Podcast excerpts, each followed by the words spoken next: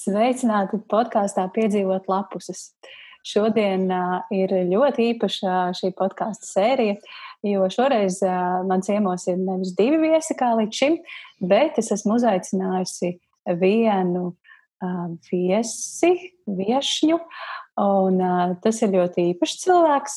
Uh, esmu izlēmusi, ka podkāstu ietvaros vēlo, vēlos aprunāties ar uh, latviešu rakstniekiem. Un, uh, tāpēc šodien Pie manis ciemos ir latviešu rakstniece, prozaiķe, dzēniece, dramaturģe, sieviešu stand-up dalībniece arī dzan un visādi citādi ļoti, manuprāt, ļoti radošs cilvēks. Un uh, arī nu, pat ieguvusi balvu, Lalikabas balvu kā, par labāko romānu, par labāko prozas darbu. Un tā ir Inga Gaila. Sveika, Inga! Sveiki visiem! Daudz visādi nosaukumu man ir.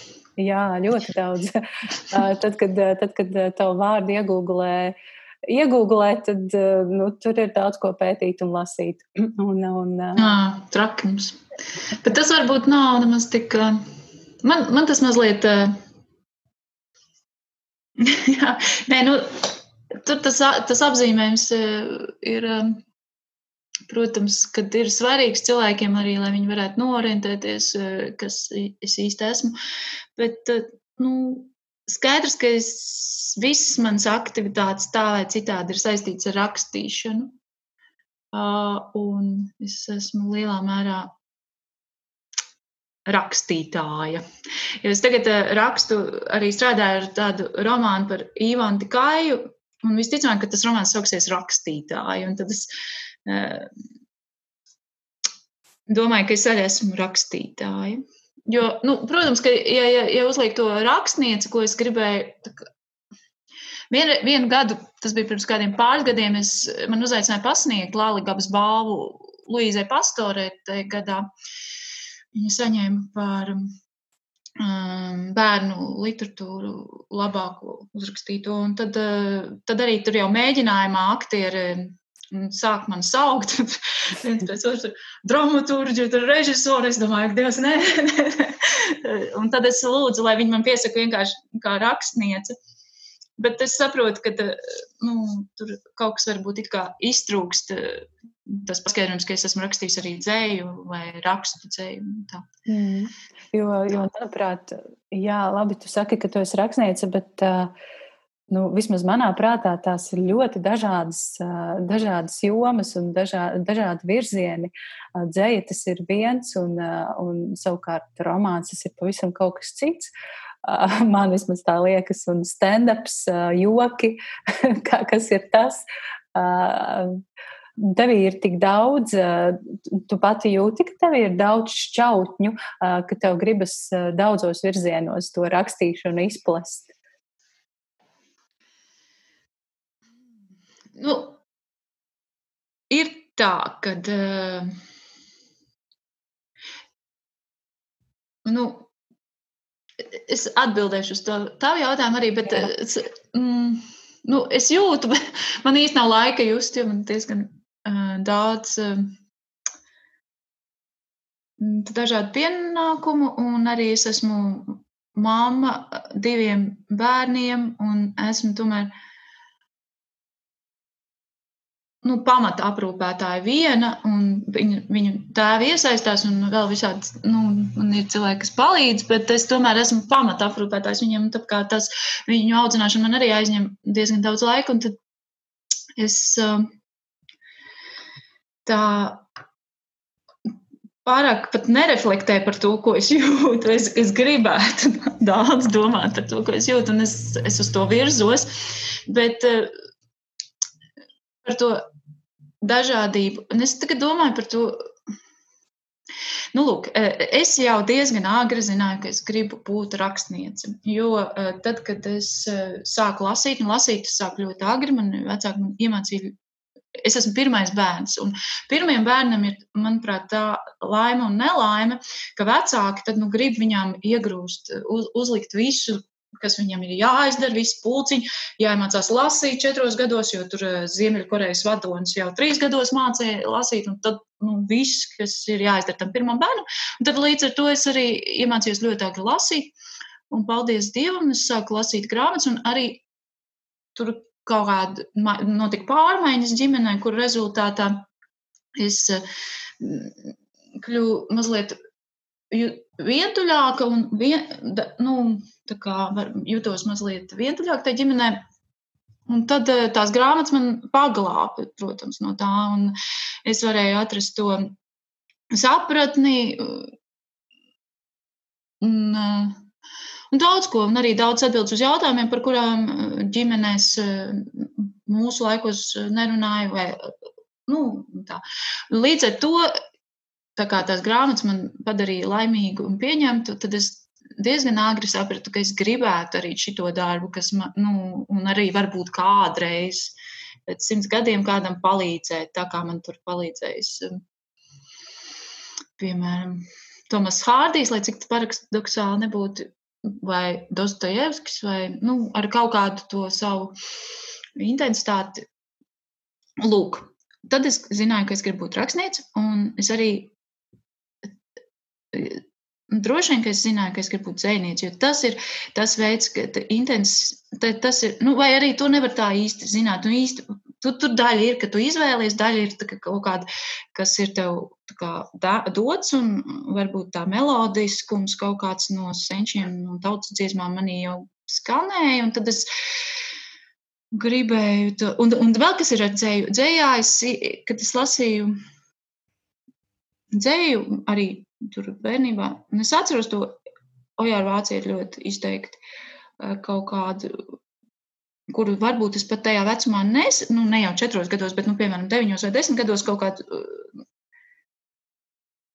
vai mazliet vēlāk, es izlasīju klavieru koncertu, kur es īsti nesapratu, bet kaut kas man ārkārtīgi aizkustināja. Un es tā kā saslēdzās, un tad es arī zināju, ka varbūt dzēja ir tā, tas tā joma, kurā mana intensitāte vai kaut kāda, kas varbūt citās jomās ir traucējoša, dzējā viņa būs ok. jo nu, tur var tā intensīvi just un pārdzīvot un izpausties. Bet, nu, lūk, un tad es tā lēnām uzgāju uz to rakstīšanu. Un būdama diezgan paklausīgs cilvēks eh, sākotnēji,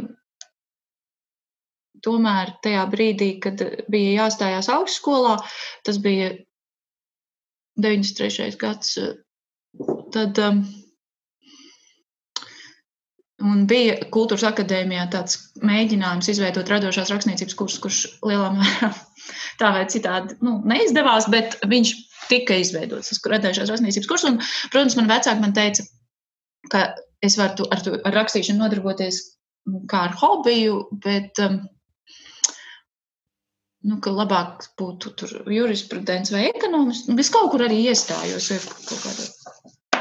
Nu, labi, bet vārds sakot, šajā brīdī es, kā, mana iekšējā tā daba, kas nebija tik paklausīga, un tā man iekšējā vēlme rakstīt, sacēlās pret to visu, un es iestājos tajā kultūras akadēmijas kursā. Un, kā, nē, es to nedodarbošos kā ar hobiju, es to darīšu, es gribu to darīt. Tā, un tā, un tad es uh, lēnām esmu to, to gājis vienmēr, un es, man liekas, pišķi par daudz tagad te runāju, bet es to pabeigšu. Es, ko es gribēju pateikt, man šķiet, ka. Mm,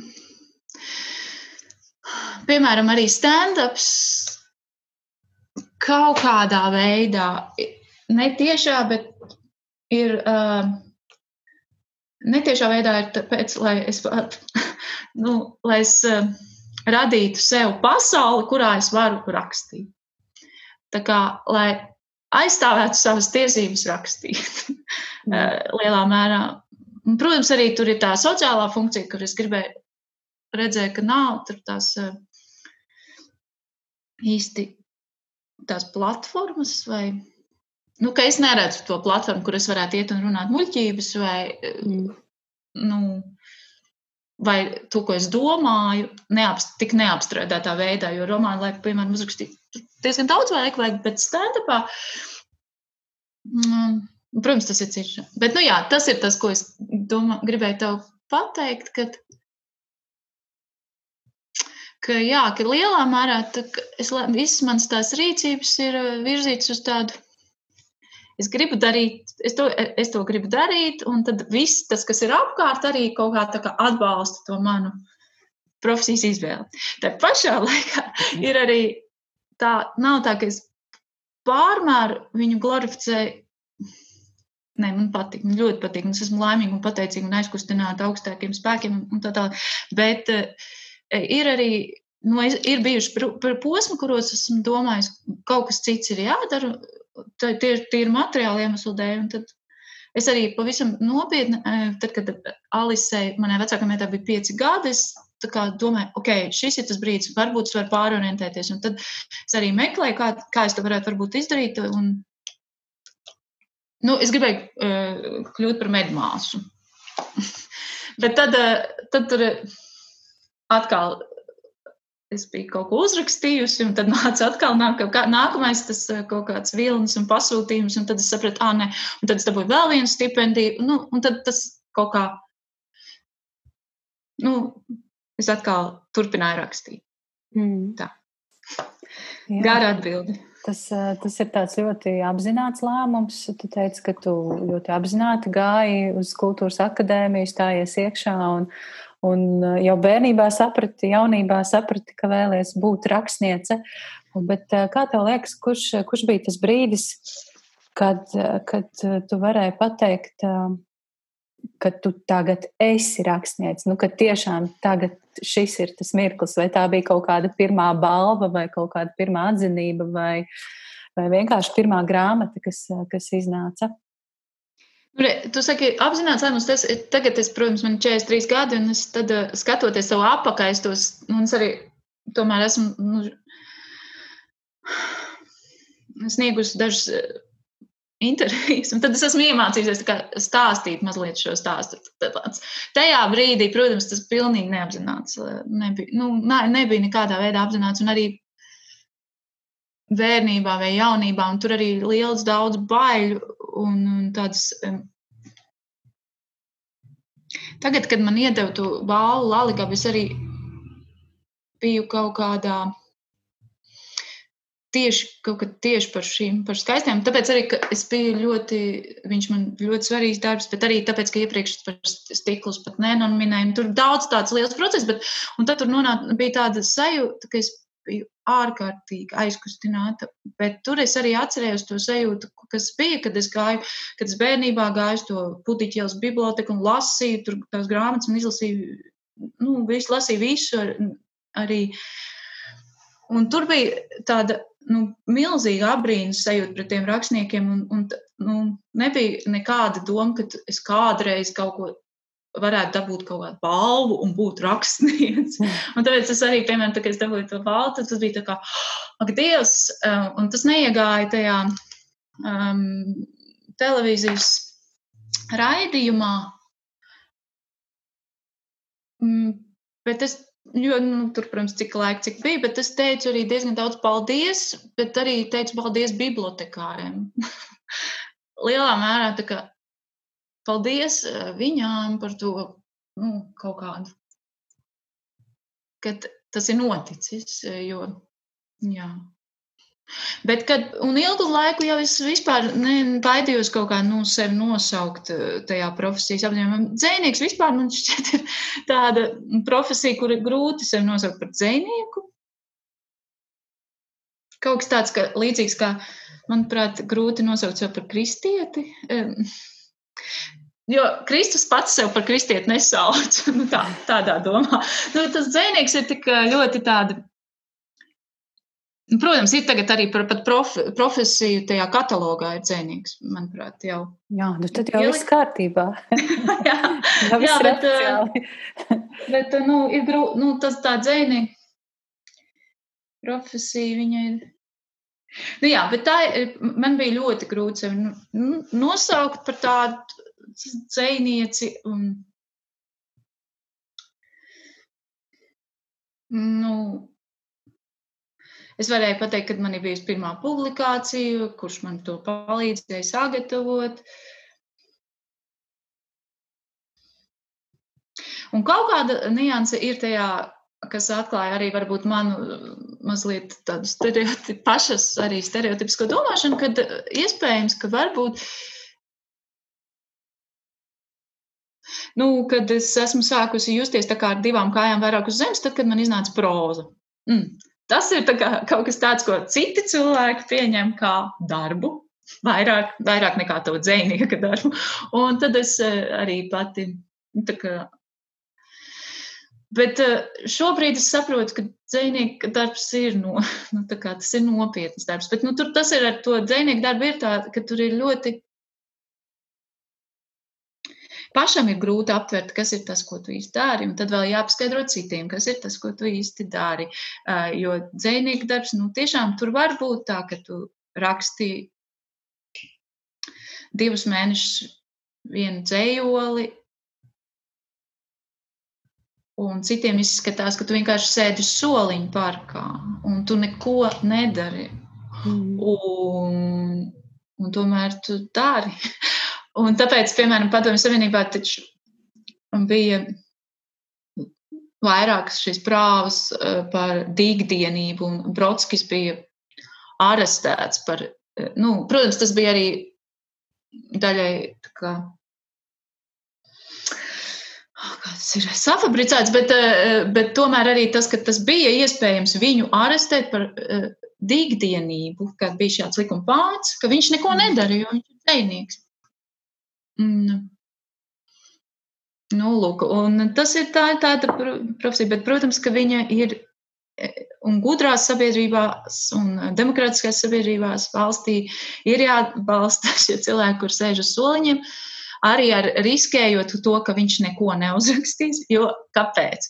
Tāpēc, ka dzēnieki, man liekas, lielā mērā ir tie, kas rada e, valodu, e, attīst valodu un līdz ar to arī rada idejas, ne jau uzreiz, nu, viņi neraksta savās grāmatās par idejām, bet tā kā viņi strādā ar to valodu, tā kā viņi rada, paplašina šo valodas telpu ar savu darbu, tad viņi arī ir tie, kas lielā mērā rada tās idejas kaut kādas um, un palīdz sabiedrībai būt demokrātiskai un tā. Tā kā, nu, tas ir svarīgs darbs.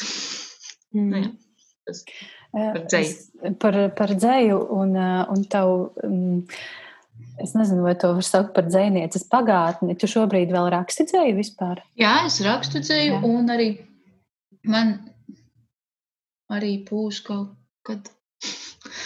Būs nu, kaut kas. Bija pirmais, pirmais, kas man ir jāpabeidz, ir šis romāns sērijā Es esmu, ko dienas grāmata tagad raksta 25 grāmatas, tur būs par Latvijas eh, autoriem, eh, nu, klasiķiem vai bijušajiem autoriem, eh, kas ir, nav tik zinām, kā, lai saukt viņus par klasiķiem. Un tas būs par Ivanu Kāju, un tad es arī lēnām strādāju pie dzējoļu krājuma nakts, droši vien viņš sauksies. Mm -hmm. nu, lūk, es gribēju pateikt to, ka es uh, pirmo reizi tevi redzēju dzīvē ļoti, ļoti sen. Uh, es mācījos augstskolā. Tas bija, tad vēl to augstskolu sauc Liepājas pedagoģijas akadēmija. Vai. Jā, es mācījos Baltu filologos, Un pie mums atbrauca dzēniece Inga Gaile, un es atceros tavu tēlu. Es atceros, kā tu sēdēji mūsu auditorijas priekšā un lasīji savu dzēju. Es neatceros neko, ko mēs runājām vai jautājām tev, vai ko tu atbildēji, tikai atceros to tavu tēlu. Jā, tas bija. Tas bija tāds ļoti ļoti mākslinieks, ļoti stilīgs. Jā, tā, tā es tevi atceros, un, un tā es arī tevi redzu joprojām. Tāds, hmm, tāds ar ļoti tādu, manuprāt, ļoti tādu striktu skatu uz pasauli, uz, uz lietām, kas notiek apkārt. Un, un vismaz es to jūtu arī tavos darbos, romānos, prozā, īpaši pēdējā romānā, skaistā, skaistās, kas man vispār likās tāds. Nu, tāds, nu, tāds rīktīgs kliedziens. Nu, man, man tas romāns likās ļoti feministisks, ja tā drīkst teikt. Bet tu varē, varēsi pati pakomentēt par to, cik daudz tu vispār sevi jūti feminismu un, un varbūt šis termins jau sen ir norunāts, un par to vairs nav vērts runāt. Kā, kā tev liekas? Mm. Ai, sarežģīti. Mm. Nē, nē, nu, kas tur norunāts. Nē, vispirms es gribēju par to tēlu. Tas ir tik kolosāli. Es tagad ar vien vairāk kaut kādu saņemot kaut kādas reakcijas no lasītājiem vai cilvēkiem, kuri mani redzējuši, vai kā, tad es saprotu, ka viņi ir redzējuši mani pilnīgi savādāk nekā es esmu jutusies.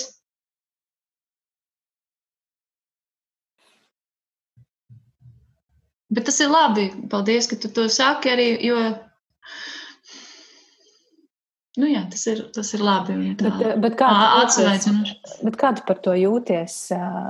Vispār, kā tu jūties par to, ka kā rakstnieks jūtas par to, ka par viņu izsaka viedokli un par viņa darbu izsaka viedokli? Tas,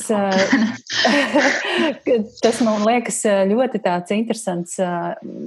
Es gribētu saprast, jā, kā, kā tu jūties. Jo nu, Es nezinu, nu, vai, vai tu... mums vajadzēs at, atgriezties, mums vajadzēs parunāt par feminismu arī, bet jā, es tulīt jā. pateikšu jā, par, arī par to, par to vērtējumu.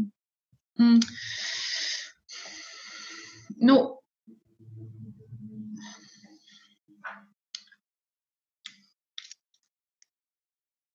mēs jau ik viens, nu, labi, es nezinu, vai ik viens, bet es katrā ziņā, un es domāju, nu, vērtējums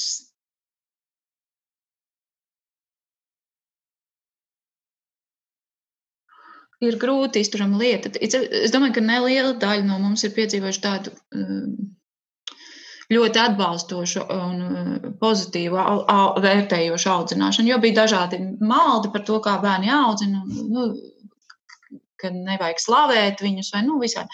Un tad līdz ar to tie uh, vērtējumi var būt ļoti sāpīgi. Es uzt, varu uztvert ļoti jūtīgi vērtējumus. Um, arī uztvert vērtējumus, kur to vērtējumu nemaz nav kā vērtējumu. Un, un, un tā ir tā psiholoģiskā mana.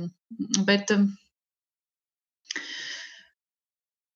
protams, ka šī ir daļai, nu nevis daļai.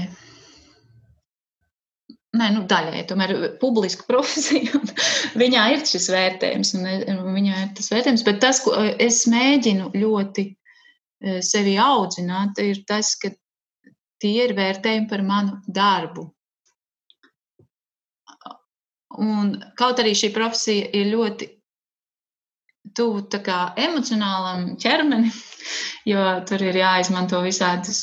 Nu, tu, es izmantoju, nu, es ielaidu tos varoņus un arī ļoti daudz ar viņiem esmu. Uh, es uzzinu dažu, dažādu informāciju, laužu, laižu viņu caur sevi. Tas, nu, tas katrs tas darbs jau, protams, man ir kaut kādā ziņā kā bērns. Un, nu, Tā pašā laikā, tad, kad es saņemu vērtējumus, es esmu mā, mācos sev audzināt par to, ka tas ir mans darbs.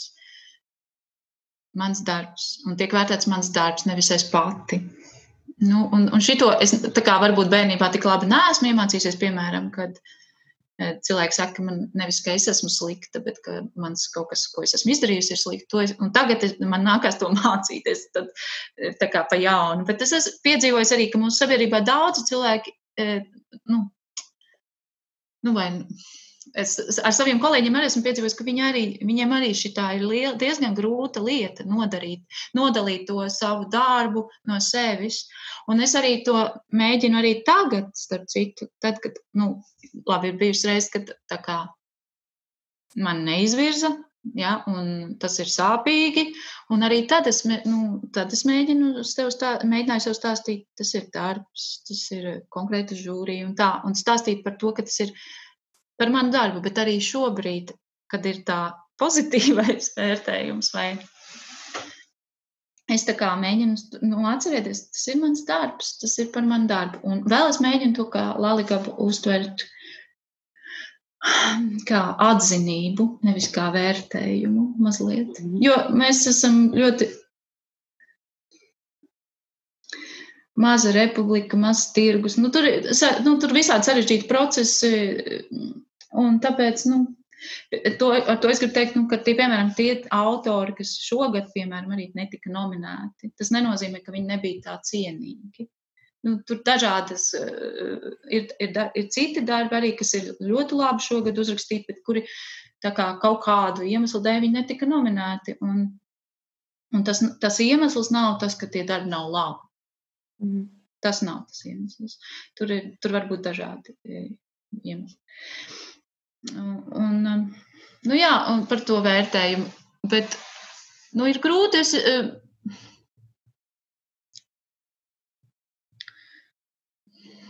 nu, grūti. Jā. Tas ir grūti. Nu, nu kā, nu.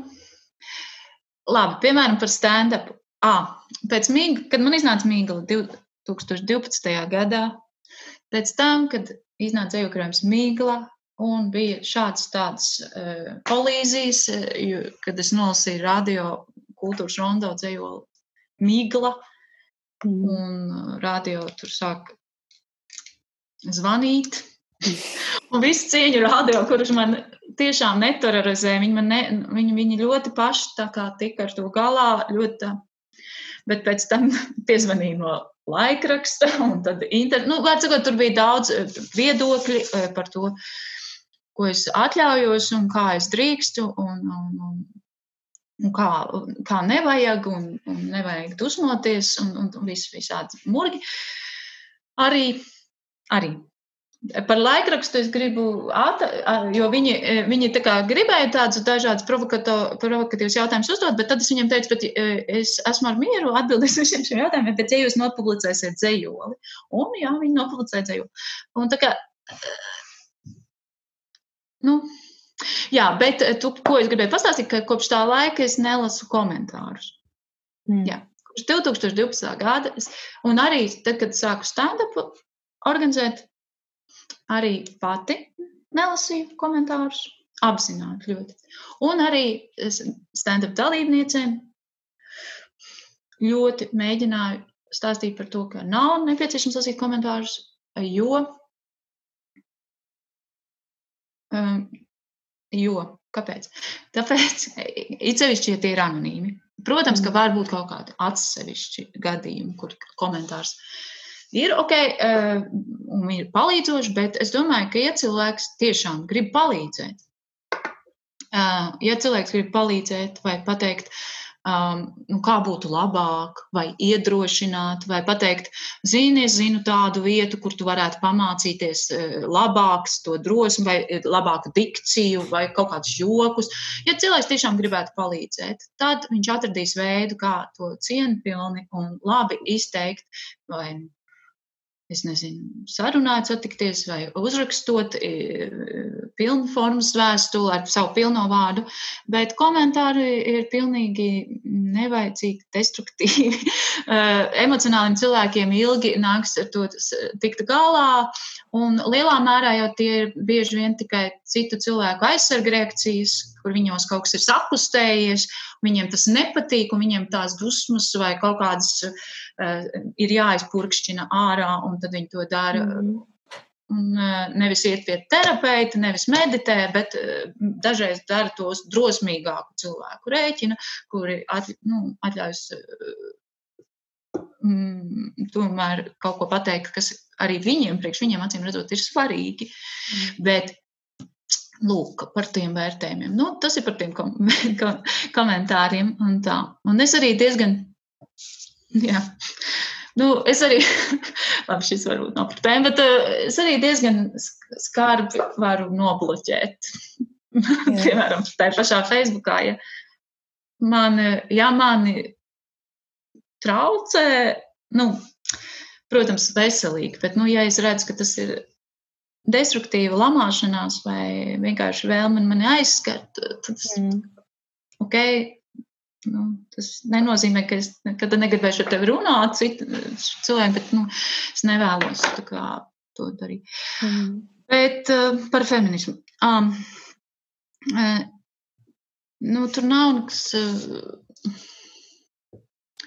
izrunāts, ir sevišķi Latvijā tas, kāpēc es tur sašķu, sašķobos vai saminstinos, ir tas pats, kas ir. Nu, par tiem nosaukumiem. Nu, man ir tiešām arī ir pārdoms par, piemēram, par to, kas, kas ir, piemēram, vai, vai kristieši var sev saukt par kristiešiem, nu tā, tie nosaukumi, nu, tas man ir, tas ir pārdomu procesam tā.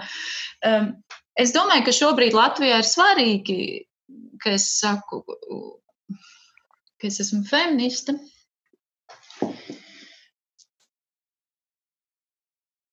Nu, un tas ir svarīgi, bet, um, nu, Protams, ka tas ir eh, nosaukums, kurš īsti.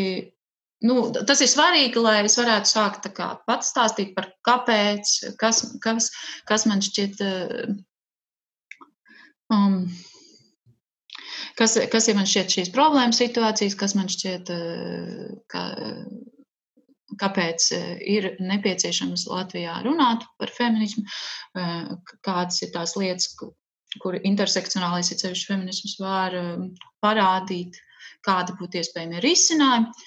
Bet, nu, protams, ka es esmu nu, cilvēks un, un tik daudzpusīgu.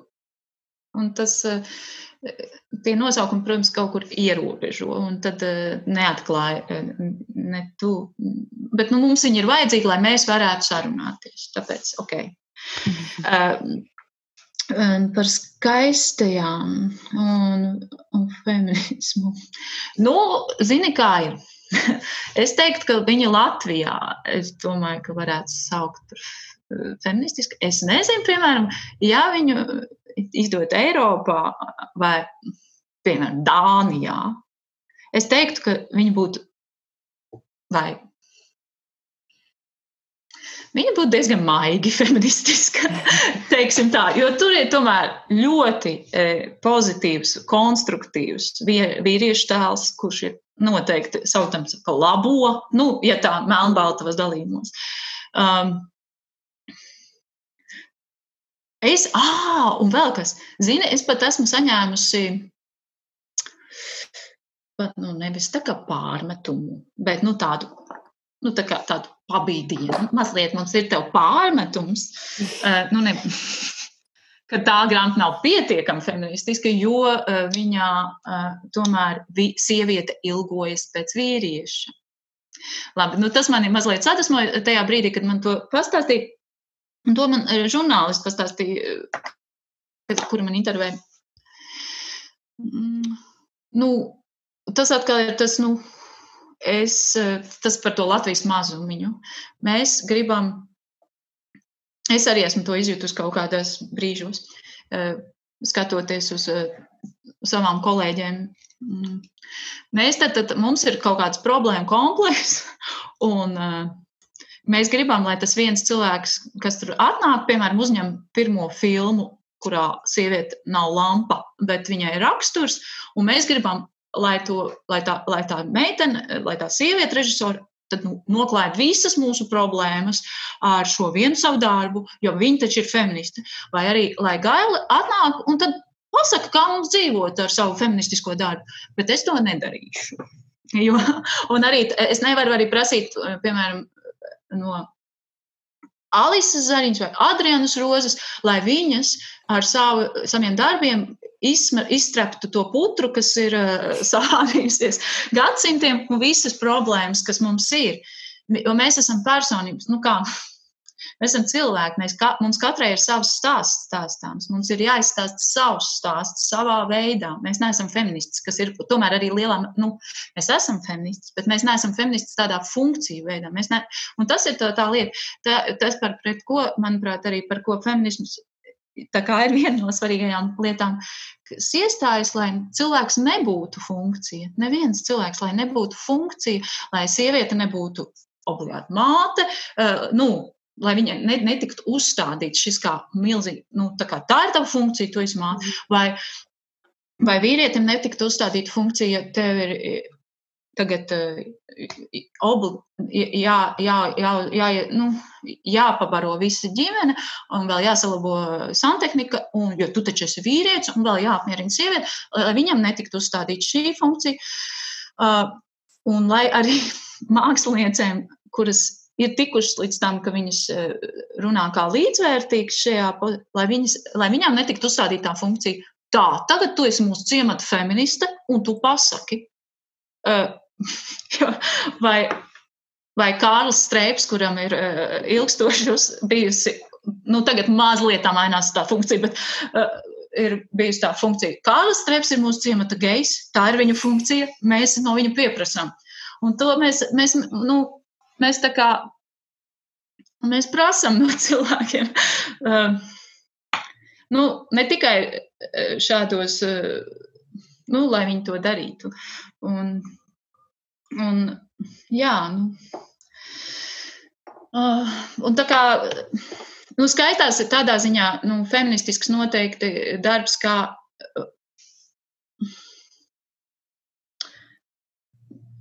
nu, tur skan sieviešu balsis par notikumiem, eh, par kuriem vēsturē viņi tās balss, nu, mums nav to vēsturisko faktu tik daudz, viņas nav tik daudz skanējušas, mums ir cits priekšstats par to laiku, bet nevis tāpēc, ka tās tie notikumi nebija notikuši, bet tāpēc, ka tās balsis un liecības nav skanējušas. Tagad ar vien vairāk arī, protams, Eiropā.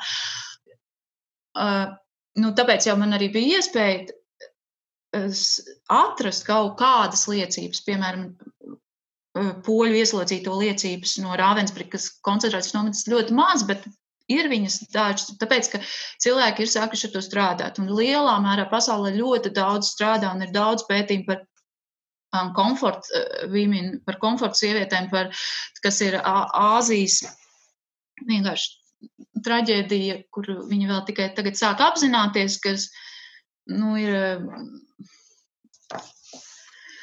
Ai, otrā pasaules kara laikā, bet arī jau pirms tam, kā mm, Korejas sievietes, Koreja, pārsvarā korejiešu sievietes, kas tika vienkārši sagrābtas uz ielas, lai Japāņu karaspēkam būtu priek, e, nu, prostitūtas, un kuras e, pēc tam tika ļoti stigmatizētas, vesels, vesela paudze sieviešu ir šāds, kā visi, nu, visā pasaulē mazliet ar vien vairāk sāk runāt par tiem notikumiem, kuri līdz šim mums nav vēstures grāmatās aprakstīti.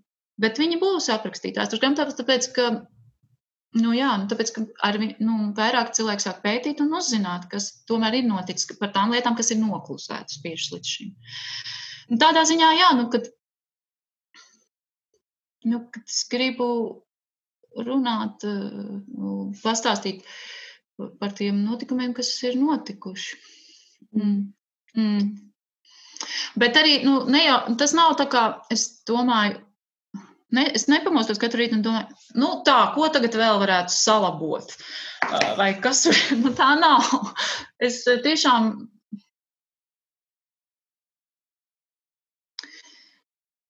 Nu, es pati kaut kādas.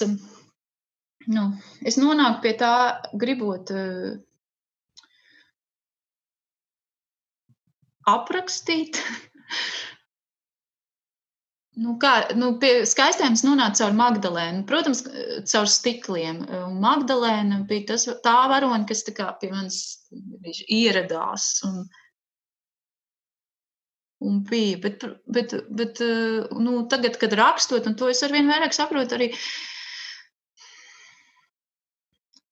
tas es rakstu un, un pētu un sap, mēģinu saprast, ir tas, lai es varētu saprast un pētīt, saprast sevi un savus senčus un arī saprast, kas, kur varbūt ir kļūda un ko, ko darīt, lai manām, maniem bērniem būtu vieglāk dzīvot, manām meitām būtu vieglāk dzīvot. Un Bet varbūt pat, nu, nē, es ne, nevis tā kā apzināti meklēju, un, un tas ir tas, es, ne, es nemeklēju apzināti kļūdu. Nē, bet es gribu aprakstīt, un tad es uzzinu vēl to un to un to. Un, to. un tad es sāku saskatīt kaut kādu pagaidu. Tāpat tās tagad ir par Ivānu Kāju. Es biju ļoti smuki iz, romānu, ko es rakstu. Eh, es biju izmu, nu, izdomājusi,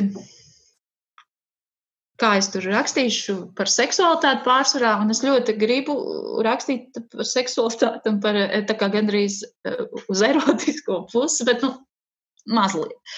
Bet, un arī izlasīju iedzimto grēku, cerot, ka tur ir kaut kas ļoti erotisks. Nu, nav nemaz tik daudz. Bet uh, viņi, nu, vairāk ir, viņi, viņi bija skandalos, tas romāns, bet tieši dēļ tā, ka viņa runā par sievietes tiesībām uz brīvu izvēli. Vai, par, nu, ka viņa vēlās seksuālas attiecības. Nu, tas tur netiek, nu, bet ka viņa vēlas seksuālas attiecības un ka viņai ir tiesības uz seksuālām attiecībām. Un, um, tas ir tas skandalozais, kas ir tajā romānā. Un... Bet, eh, nu, lūk, un tagad es, viņu, es tagad strādāju pie tā romāna ļoti cītīgi. Un arvien vairāk kaut kā es lasu viņas dienas grāmatu. Un arī atkal es uzzinu kaut kādas tādas lietas, kas man atkal ieved tajā tumšajā matērijā, un es uzzinu kaut kādas lietas, kas nu, tā kā mm, atkal nu, ir ir sku, kaut kādas lietas, kas ir nomācošas. Mm. Un, un tepat mūsu Latvijā. Diemžēl. Jo ar skaistajām mēs vēl mazliet varam sev paiet, ka tas ir lielā mērā Vācija. Ja? Nu, tā. Varam, varam sevi mānīt, vai ne? nu, Bet, zināmā kā ir, labi, es, es, es varbūt par daudz runāju, bet uh, bija piemēram arī ar stikliem tā, ka uh, viņi iztulkoja igauņi Un man šķita, ka Igauniem viņa patika daudz labāk nekā Latviešiem. Tur es biju uz tādu festivālu Headreds, un viņi tā kā tiešām tur, es biju tiešām šokā. nu, tāds, kas notiek, ko viņi grib no manis? nu, kad eh, tās, nu, Viņi saka, jā, tas mums patīk, un šis patīk, un tur sievietes sēž un nāk pēc autogrāfiem. Un, un es domāju, kāpēc tā ir? Un tad Bišķiņi tas ir tāpēc, ka okay, e, tas nav par mums, tas ir par tiem latviešiem. Nu, viņiem var dabūt to distanci. Jā, tur ir tie trakomāji, egenika, mm, bet tas ir par tiem latviešiem. Mm. Kaut ko, un viņi arī tajā pašā laikā spēja identificēties, jo, protams, pie viņiem arī tas pats, arī tādas lietas notika. Viņi spēja identificēties, bet tas tomēr nav tik ļoti par viņiem. Un tad viņiem ir vieglāk paust to savu ok, šis mums pat, nu, tas mums ir svarīgi. Nekā, jo, jo, jo ja, te, ja mēs uzrakstām paš, par sevi to darbu, kurš ir varbūt kaut kāds aizskart kaut kādas lietas, kas nav patīkamas, tad ir tā uzreiz, mm, vai es gribu to, aut, lai tas autors nāk pie manas ciemos un dzer tēju, nu, varbūt nākamreiz. Un, un tā, tas, tas tā var būt. Nu, lūk, jā, bet labi. es aizrunājos.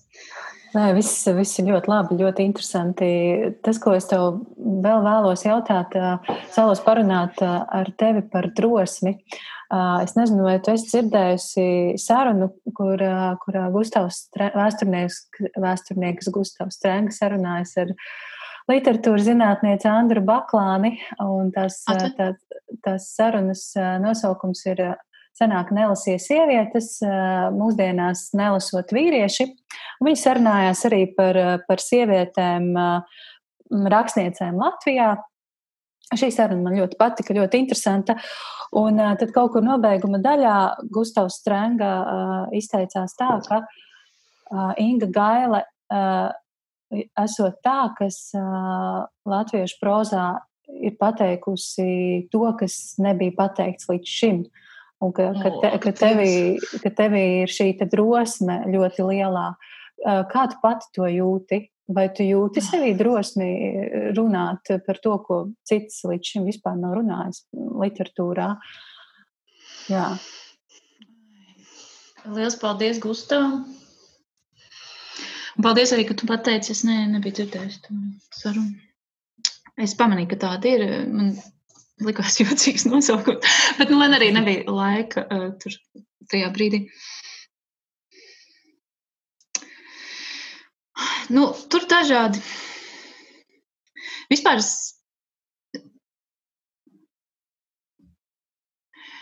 es sevi diezgan ilgi, es sevi identificēju kā bailīgu cilvēku. Nu, noteikti. Bet varbūt tieši tāpēc, ka es sevi tā identificēju.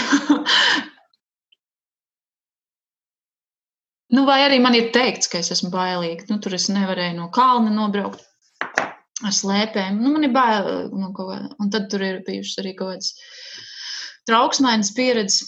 Uh,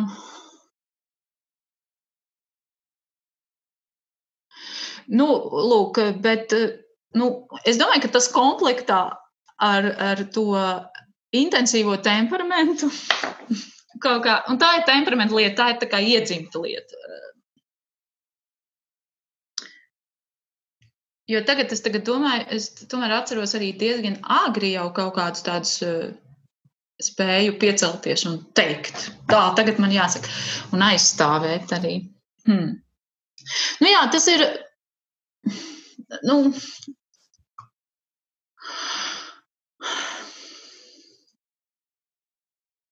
Kaut kā tā ir sanācis, bet zini, kā ir. Um,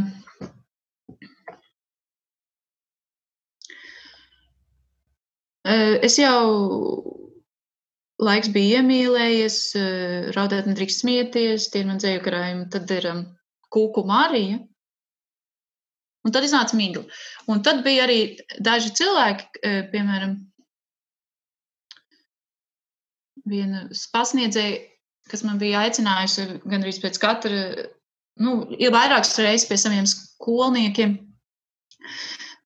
Un tādā sajūsmā bija par mani, nu, par manu lirisko tēlu un, un tā. Un tad, kad iznāca migla, viņa man arī uzaicināja. bet eh, viņa man tomēr teica, vai tiešām tā vajadzēja?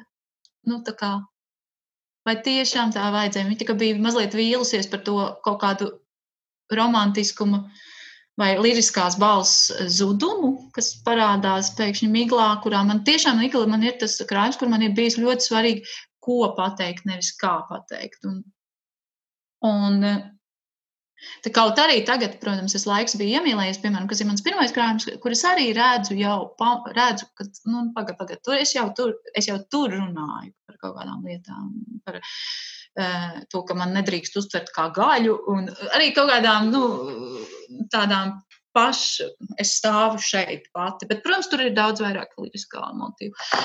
Bet par to miglu. Nu,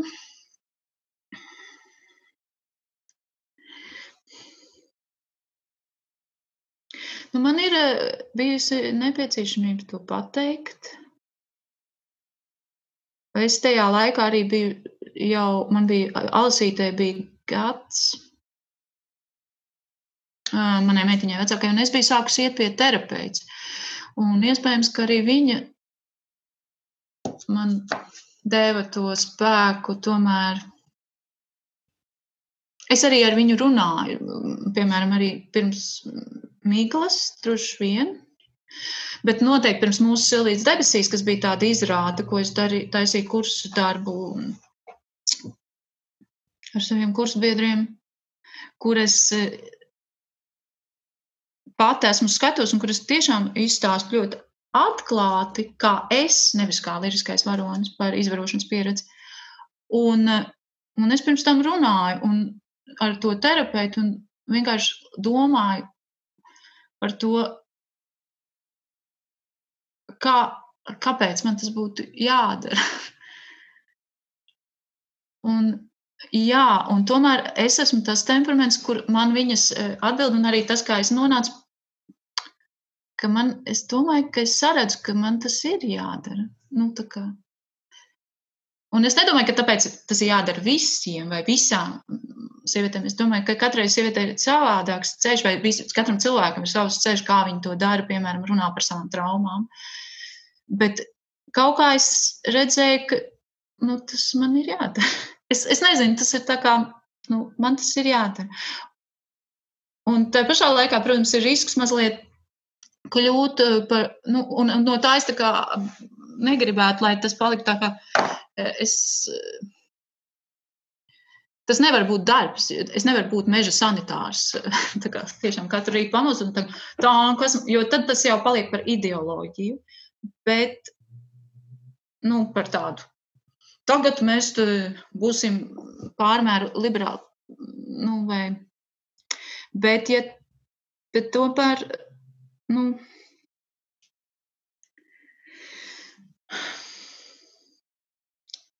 Bet kaut kad, bet ir droši vien, ir droši vien katram cilvēkam, vai e, ir tās reizes, kurās uh, Dievs vai, vai viņa sūtība uz viņu runā un saka, nu, šoreiz tev tas ir jāizdara. Un ir kaut kāds reizes, kur es to esmu sajūtus, ka man šoreiz tas ir jāizdara. Un kādreiz es atkal varbūt esmu aiz inerces gājusi kaut kā. Uh, nu, arī, bet tu, nu, tu tā kā Nu jā, tu, no, no tā es bažos, ka, lai tas neaiziet aiz inerces, tagad es būšu visu caurumu lāpītāju. Un to es mēģinu kā, nedarīt, ne, jo es gribu rakstīt. Tas ir mans primārais. Un ar skaistiem es galīgi, piemēram, vai arī ar stikliem. Es, tas ne, nu, tas ne, stikli, es negribēju neko lāpīt. Es gribēju izstāstīt Magdalēnas stāstu. Mm. Tur, protams, bija visdažādas ietekmes. Mm, lielā mērā no Sokolova uh, muļķu skolas, kur man bija ļoti ietekmējis tieši pirms tam Aleksējs Sokolovs, laikam, uh, kur runā puisītis, uh, vīrietis, kurš ir uh, garīgi atpalicis un, un ļoti man ietekmē tas darbs. Kā tas kaut kas tāds, ko es varētu gribēt saprast un rakstīt. Bet, eh, nu jā, tas, nu jā, un tad. Un, bet, tā, kad es sāku rakstīt par tiem varoņiem, es sāku ar viņiem rakstīt, un viņi atnāk pie manis. Un, protams, ka es sievietes labāk mēģinu, saprotu, kaut kā izjūtu, un, un viņas man ir tuvāk. Un, jo es taču joprojām tur nesu sevī vecvecpēlmiņu visādus gēnu domas un visu kaut ko. Un ne, tāpēc es viņas labāk saprotu. Bet es, bet es mēģinu būt godīga. Un tad, kad viņi ar vien vairāk Un, jā, un tieši neaiziet šajā tendencē. E, tagad es lāpīšu, e, bet es mēģinu kā, būt godīga. E, un, nu, tā, tas dažreiz nav patīkami, jo dažreiz jāatsakās no ļoti kaut kādiem jaukiem izdomājumiem. Bet, nu, tā. Mm. Bet es nezinu nu, par to drosmi. Nu, paldies, Gustavam, bet tas ir, man liekas, tas ir no dienas uz dienu. Tu vienkārši domā, nu, kā dzīvot. Nu, jo Nu, nu tā man, man, tā man, nu, man šķiet tā problēma, un man ir skumji, ka, piemēram, mēs neesam pieņēmuši Latvijā vienzimumu attiecību likumu, un ka mēs diskriminējam homoseksuālus cilvēkus pēc šīs pazīmes. Um, nu, ne tikai homoseksuālus, bet, nu, Un, eh, un tā man šķiet eh, problēma tāda tā kā, nu, arī pišķi tumsonība, jā. Mm. mm. Vai tas, ka Lat Latvijas Lutāņu baznīca var atļauties neordinēt sievietes šajā brīdī un laikā. Un tas, nu, tas ir traki. Tā pašā laikā es mēģinu saprast, nu, ka ok, bet šī ir tā kopiena, kas man ir dota. Un arī saprast, mēģinu saprast, ko, ko dara, kāpēc, kāpēc tā ir. Nu, tā pašā laikā es nedomāju, netaisos klusēt par to, ka man tas šķiet nepareizi, tikai tāpēc vien, kāpēc tāpēc, ka viņi it kā ir hierarhiski augstāki cilvēki, stāvošie, piemēram, Vanaga kungs. Bet uh, es, man tā hierarhija nav pieņemama. Nu, tā tieši tā hierarhija, kur viņš ir izveidojis. Man viņa nav pieņemama, līdz ar to es nedarbojos viņas. Uh, man, un tāpēc līdz ar to es saku, nu, kā. Nē, nu, tas nav pareizi. Tas ir pilnīgi neloģiski, ko tu pārstāv. Tas ir pilnīgi neloģiski. Romas pāvests jau ir pateicis, ka šis ir neloģiski, bet Latvijas Lutāņu baznīca joprojām domā, ka vīrietis ir pārāks kaut kādā veidā. Nē, nu, mm. tas, nu, jā, nu, tas, tas ir dumji. Un mēs zaudējam, nu, un tas, kas man sāpina, tas, ka mēs, nu, mēs tiešām zaudējam kaut kādas, kā sabiedrība, mēs zaudējam um, resursus. Uh, nu, ir, ir konkrēti cilvēku resursi, kas mums šķiet nelieli, bet uh, konkrēti, piemēram, mana klases biedra uh, 12 vidusskolā, um, viņa tad sauc Dacis Skadiņa, šķiet, vai Dācis Skudiņa. Bet tagad viņa precēsies, bet viņa eh, zināja, ka viņa grib būt mācītāja, un viņa ir mācītāja. Protams, ka viņa ir mācītāja Amerikā, bet viņa nav mācītāja šeit, un viņa būtu kolosāla mācītāja. Viņa būtu, un, un, un, un, eh, un tad tas ir viens gadījums, bet ir vēl citi tādi gadījumi. Un, uh, ja mums nav šīs mācītājas, vai ja baznīca ir aizslēgta, aizvērta pret homoseksuāliem cilvēkiem, sievietēm, arī kaut kādā ziņā pret bērniem, nu, pret dažādām grupām, tad kā, ko, kas, viņa, kas tā vispār par baznīcu? Ko, ko, viņa, ko viņa īsti palīdz šiem cilvēkiem? Nu, protams, arī tas nav tik viennozīmīgi, un, un tas ir tas, kas man arī tā kā, nu, nevis nav viennozīmīgi, bet kaut kas tur ir viennozīmīgs, bet tas, nu, kā cilvēki visu laiku mainās. Nu, cilvēkiem ir iespēja mainīties. Arī es saku, ja es saku, ka, nu, pat, jebkurā brīdī tā apgaismība var nākt. Mm. Un, nu, tā kā, te, nu, bet šīs ir lietas, kas man satrauc, man uztrauc, jā, man uztrauc tas, ka, piemēram, nu, jā, kad tieši cilvēkiem, piemēram, kuriem ir grūti, kuriem ir tās iekšējās eh, cīņas, varbūt lielākas nekā kā homoseksuāli cilvēki vai kā slimi cilvēki, cilvēki ar atkarībām, eh, sociāli masturīgi cilvēki vai sievietes, piemēram, kurām ir iekšējas cīņas par to, ka viņa, viņa gribētu acīm redzot būt, es nezinu, nu, ka viņi gribētu tikai darīt darbu, vai ka viņi negribētu būt māte, ka viņai ir visas tās iekšējās cīņas, un ka baznīca pēkšņi viņai saka, nu, tu esi grēcinieks, tu esi grēcinieks un nedod to atbalstu, kurā, kur, kur, ko viņai vajadzētu dot. Mm. Nu, kas ir, kas, kas ir tomēr, nu, kas. Jēzus veids nav par to, ka kādā veidā, kurš ir kur ievietot dzimumu locekli. Tam nav nekādas nozīmes viņas vēstī. Pilnīgi nekāds, nekur tur tas nav par to rakstīts. Mm. Kas, un tomēr uh, uh, savā spītībā Latvijas valdību uh, neatzīstot ģimenes, kas ir homoseksuāls un savā spītībā Latvijas baznīca kaut kāda ir eh, aizgājis līdz tādam absurdam, ka, no kura es ceru, ka viņi atradīs kaut kādu izēju. Jā, nu tas, tas, par ko es domāju, vispār kā, kā mēs esam, kā sabiedrība nokļuvuši situācijā, kur vienam dzimumam ir kaut kādas priekšrocības eh, vairāk nekā citam dzimumam. Tīri tehniski es to saprotu, kā, kā tas tā ir noticis. Tas bet, eh, jā, nu, bet emocionāli man tas liekas eh, brīžiem pat neaptverami. Ah, bet atgriežoties pie drosmes jautājuma, man, man gribas teikt, eh, ka rakstniekam vispār būt ir ļoti, ļoti liela drosme rakstīt, pēc tam iedot to nezinu, redaktoram, izdevniecībai, pēc tam sagaidīt to brīdi, kad tā grāmata ir skatlogā vai vienkārši grāmatu plauktā.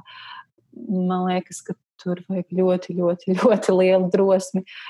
Ko tu jūti, kad tu ieraugi nu, dzīvu grāmatu? Tu, tu, nu, kad tu saproti, tūlīt kāds to iegādāsies, tūlīt kāds to izlasīs, un uh, tūlīt kāds uh, jā, kaut ko jutīs vai nejutīs. Uh, un, un tas nav mazliet tā kā savu bērnu palaist kaut kur dzīvē. Jā, Man jau ir noteikti, jā, tas ir diezgan labs salīdzinājums. Un, bet Man bērniem vēl ir tikai 12, un 5 gadi, un es esmu. Es neesmu baigi tāda viegli palaidošā mamma. Nu, es zinu, un mēģinu, un, un trenējos, kā, kā vajag palaist. Bet, nu, tur kādu gabaliņu vismaz diezgan uztraucos. Bet, bet par tām grāmatām, jā, par tiem redaktoriem, man jāpasaka par redaktoriem, jo es, nu, bet tā rakstīšana tomēr, zin kā ir, jā, tur ir tā drosme, bet es domāju, ka tā ir, nu, tas ir tomēr rakstīšana, tomēr ir arī jāmāc. Tāpat kā, un tu ietren, ietrenējies jau, tomēr arī iemācies lietas. Vai, nu, Es esmu ar Gundagu Blūmbergu strādājis ļoti pamatīgi ar to eh, redaktoru, un esmu viņai ļoti pateicīga.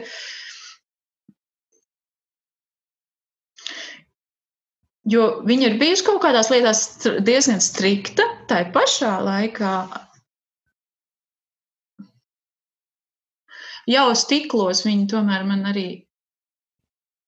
nu, teica, nu labi, vai šito vajag atstāt. Nu, tā kā Viņa saprata droši vien stiklos, ka viņa ir gudrāka, nu, ka viņa ir labāka un pieredzējušāka redaktore nekā es rakstniece. Un tas ir, bija tāds interesants eh, salikums, bet, bet nu, noteikti viņa man palīdzēja, jo man ir eh, kaut kas arī ar to mazliet ar to, cik man tā, es domāju, ka sievietēm daudzām tas ir ik pa brīdim, bet tāda cikliska laika uztvere, ne, tā kā nevis lineāra, un uh, laika uztver, kur, bet cikliski kaut kādā brīžos, kaut kādā cikliski laika uztver, kad šķiet, ka laiks iet uz riņķi, nevis uz līnijām, tā kā ir rakstīts kalendārā.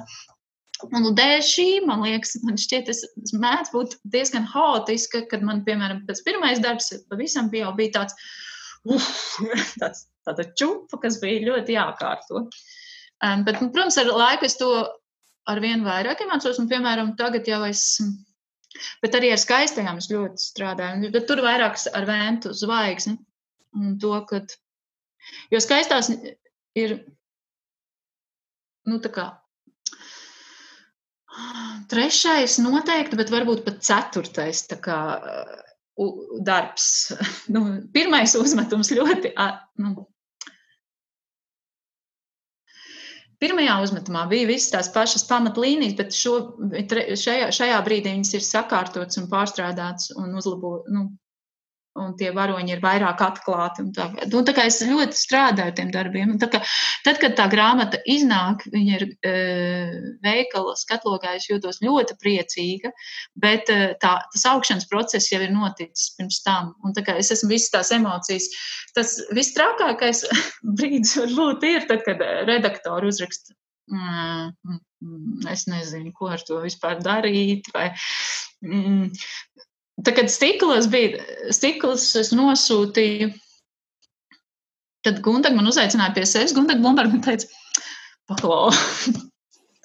nu, es nezinu, man šķiet, ka ir jāpa. Nē, viņa teica, nu, mēs nevaram šito tur. Ā, viņa, nē, pirmkārt, viņa teica, no sākuma es domāju, ka nevar, bet tad es sapratu, mums ir liela daļa jāizmet un kaut kas jāpieraksta klāt. Un tad. Nē, nu, un es biju ar mieru. nu, mm, nu, protams, tagad nu, tur man cilvēki jautā.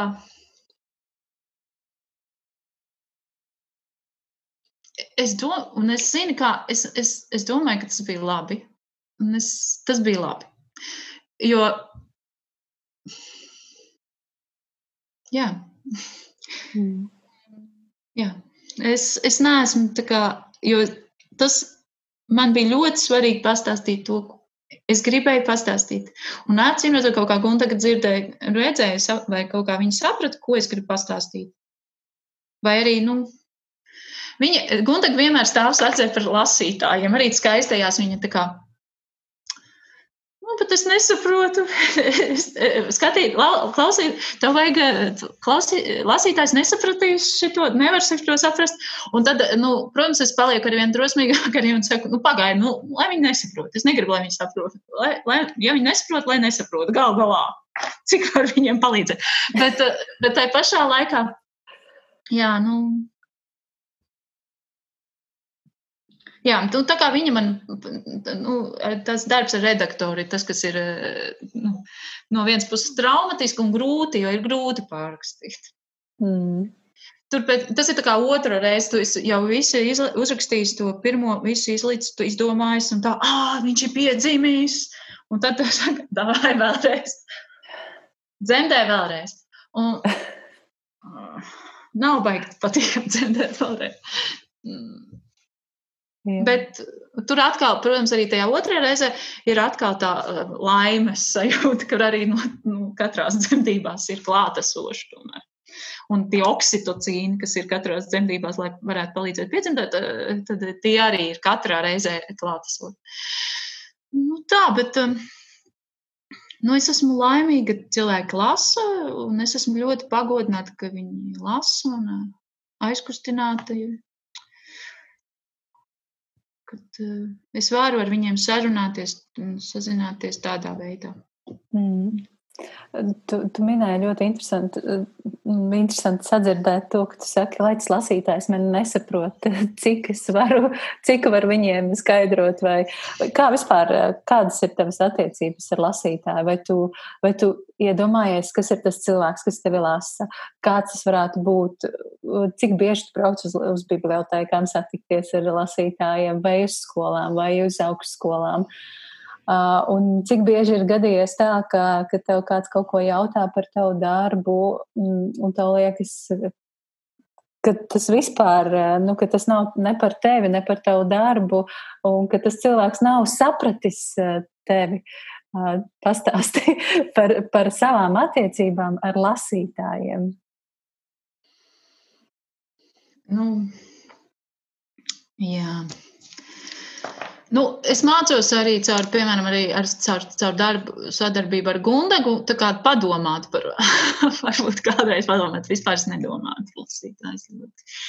Um, es, nu, tajā darba procesā es uh, it sevišķi, piemēram, dzējoļi, it sevišķi, vai kad es esmu, tagad sen neesmu rakstījuši, bet, eh, bet es kaut kad atkal uzrakstīšu, bet eh, lūgas, tad es esmu dažreiz domājis par aktieri vai par režisoru, bet, bet vispār tad, kad es tā kā esmu tādā rakstīšanas rāžā, tad es nedomāju ne par vienu. Eh, bet tad es sāku nu, domāt, un, un tagad arī, piemēram, tagad es rakstu, tagad esmu tajā darbā par UNK es tomēr esmu piefiksējis, nu, un es pieveru pierakstu tur kaut kur plādītē malā, man jāiedod viņiem atslēga. nu, kā, lai, nu, jo es tomēr gribu, lai saprot. Nē, nav jau tā, ka es gribu izgāzt tos burtu gūzmu, lai viņi nesaprot, lai nesaprot neviens. Bet,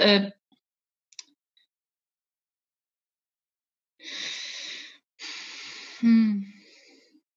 Bet nē, nu, tur ir tāda interesanta lieta, jo tu tajā pašā laikā, tā, nu,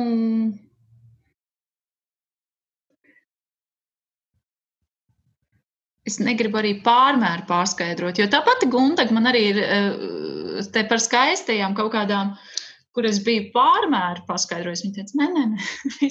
nu, tā kā tas ir tāds, eh, katram darbam ir kaut kā lai paliek, lai paliek atvērts, lai paliek.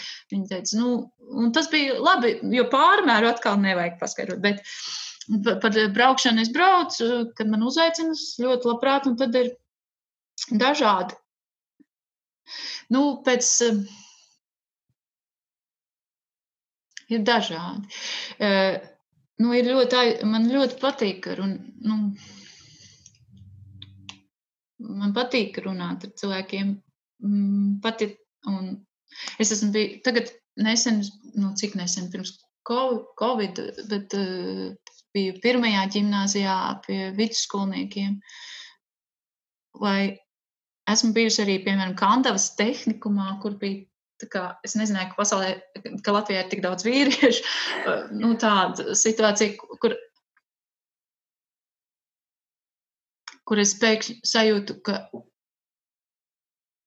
viņiem ir iebildumi pret nu, kaut kādas kā pretestība pret mani, piemēram, pret to pašu miglu dzējolu vai pret uh, pilsētas atzimšanu.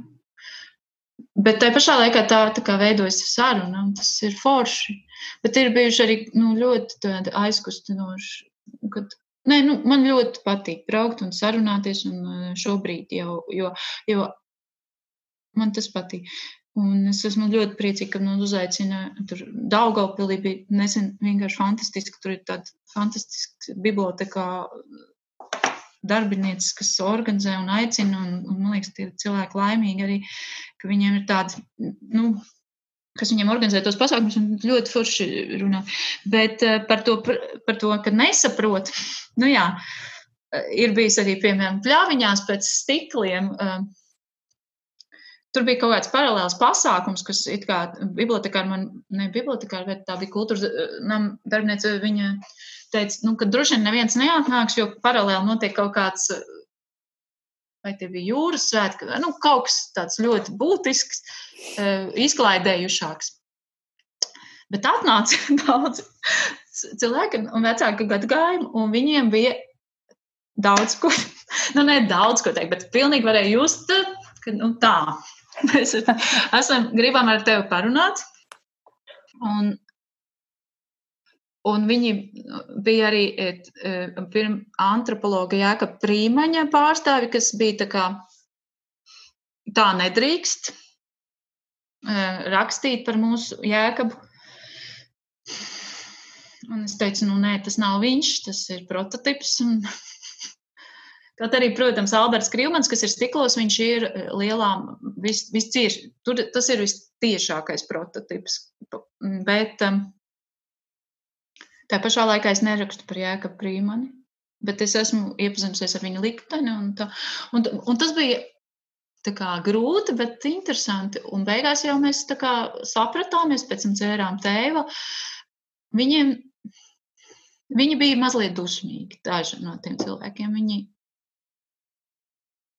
arī tas, ka ulmens ir aizskarts kaut kādā veidā, nu, netiešā. Nu, mm. vai te, ir tā kā tie ulmeņa laika, zelta laiku saga, bišķi tā, tā laika, ulmeņa laika, zelta laiku mīts sagrauts, tas viņiem nepatika. Bet uh, tas bija forši, protams. Pirmkārt, arī biju nu, arī tas, ka viņi ir lasījuši, viņi ir atnākuši uz tikšanos, viņi grib runāt. Nu, bet viņi arī prasīja, kur jūs dabūjāt, kur jūs dabūjāt to informāciju. Un tad Un es, un es varēju atbildēt visiem tiem jautājumiem. Tas bija, nu, kā, nu, tad viņi arī uzzināja, ka es neizpūtu to no sevis, bet nu, es runāju ar Ievu Lībieti, es runāju ar to un to. Um, tur ir tam fakts, un tam, tur ir tam fakts, un, un tad viņi, nu, jā. Kaut arī, protams, stikli ir diezgan metaforiski tieši kaut kādās veidos un tieši tā iemesla dēļ, ka mums nav baigi daudz dokumentācijas un faktu, piemēram, par to pašu eigēniku vai e, kaut kādiem notikumiem. Ir tas, kas ir. Bet tajā pašā laikā mums nav sevi kā nācijai, piemēram, sevi pamata baigi lolot ar ilūzijām, ka mums e, nebija pārdomas par eigēniku, ka mēs negribējām taisīt rastīšanu, vai ka mums nebija, piemēram, koncentrācijas nometne. Mums Valmierā bija koncentrācijas nometne ar 4000 ieslodzītajiem, un nevis nacistu laikā, bet 20, 19, 19. gada beigās viņi jau tika izveidot. Un mums ir visādi gadi, nu, tas ir kā nu, mums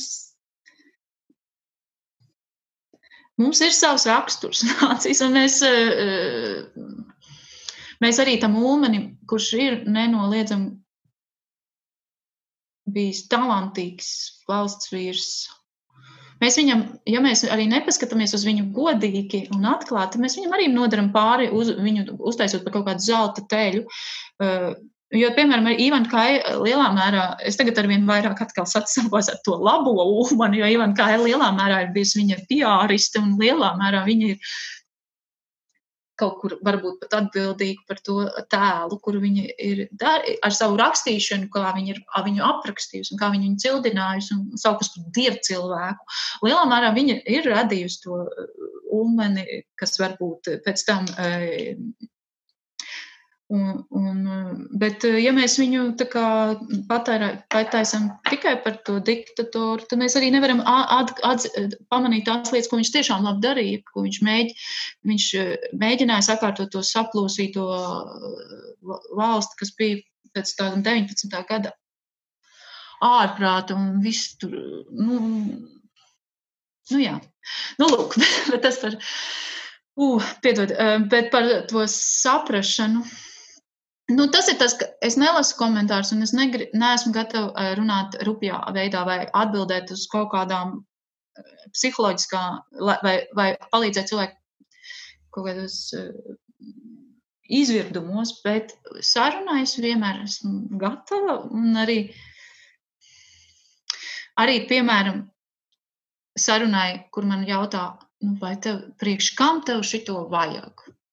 Vai tev nav grūti, vai arī Mēs negribam šo dzirdēt šobrīd. Arī tādai sarunai pat es esmu, nu, varbūt mēs to negribam dzirdēt, nu tad neklausieties. Bet, bet tai sarunai, kāpēc man to vajag, es esmu gatava. Nu, tad joprojām esmu gatava par to runāt. Kāpēc es uzskatu, ka ir vajadzīgs runāt par smagām tēmām vai nērtām lietiņām? Mm. Mm.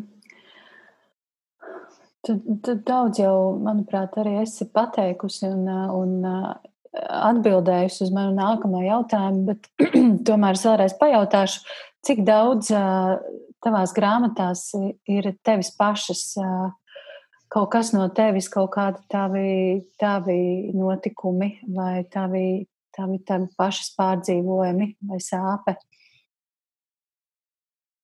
Nu,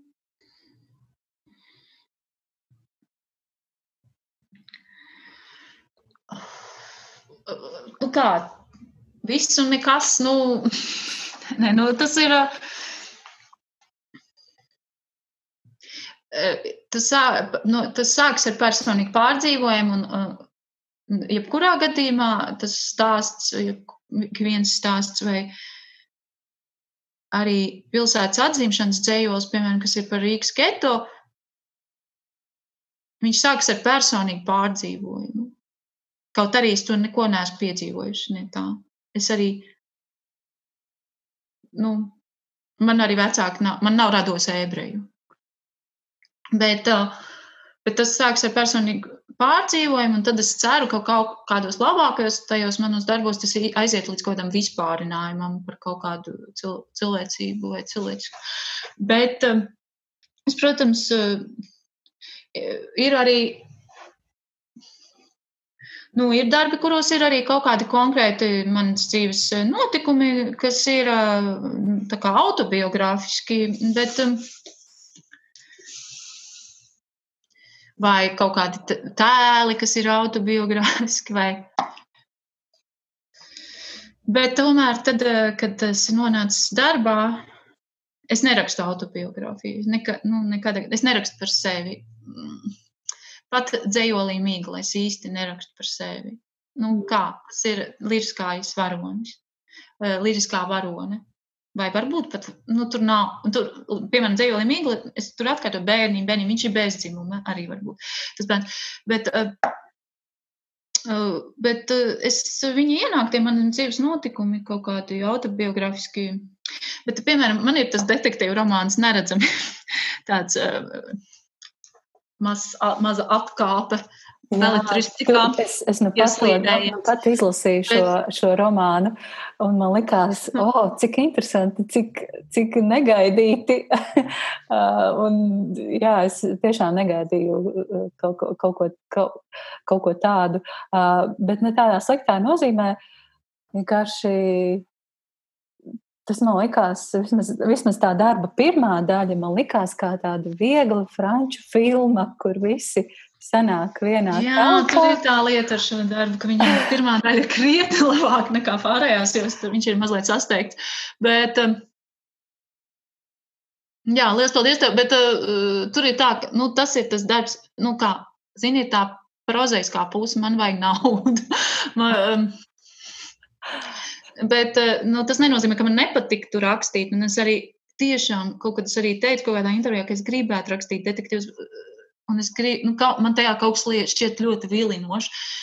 Bet tur ir baigts par daudz, ko es esmu sapratusi skaistās rakstot, ka man detektīvā ir pišķi par daudz žanra ierobežojumu, un es, man viņus gribās visu laiku pārkāpt. Un tomēr tādiem nu, detektīvu lasītājiem, tad es viņiem uzkristu nerviem ar to savu, ka es tur neizpildu, nepiepildu viņu gaidas. Bet um, tur bija zvaigzne rīkoja to konkursu, detektīvu konkursu, un tāpēc mm, man, es, es izlēmu, ka es varētu uzrakstīt detektīvu tieši tāpēc, ka man vajag uh, iztiks līdz uh, bērniem un tā.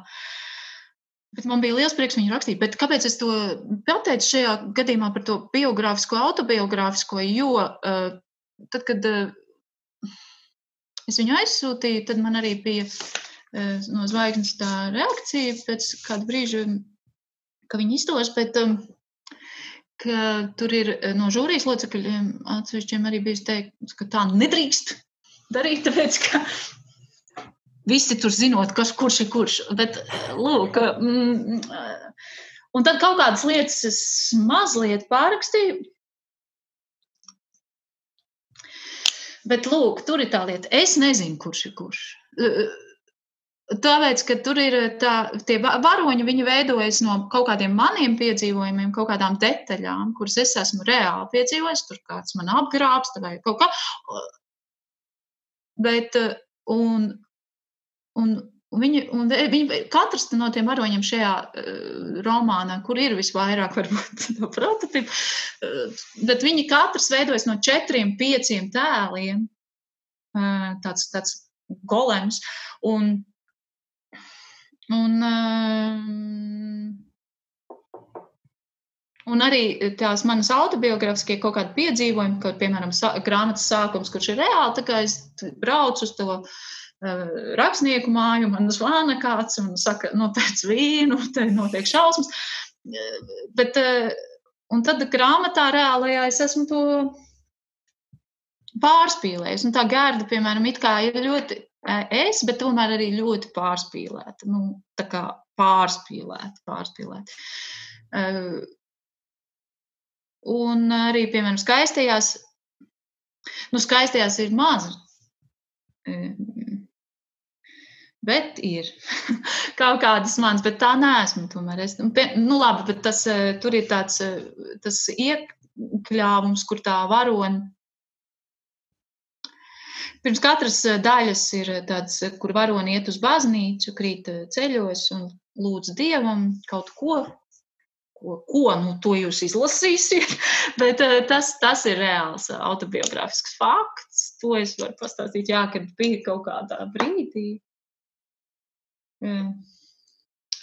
Pēc kaut kādas ballītes, un tas bija sen, un ļoti sen kaut kad. Es tiešām atceros to baznīcu, to ziemu, kurā es eju uz to baznīcu, un es esmu vai nu paģiraina, vai, vai, nu, vai ierējusi vēl, un, un es esmu šausmīgi nelaimīga, šausmīgi nelaimīga, un es domāju, ka visu man nelaimīgumu atrisinās tas, ja es beidzot kļūšu skaista.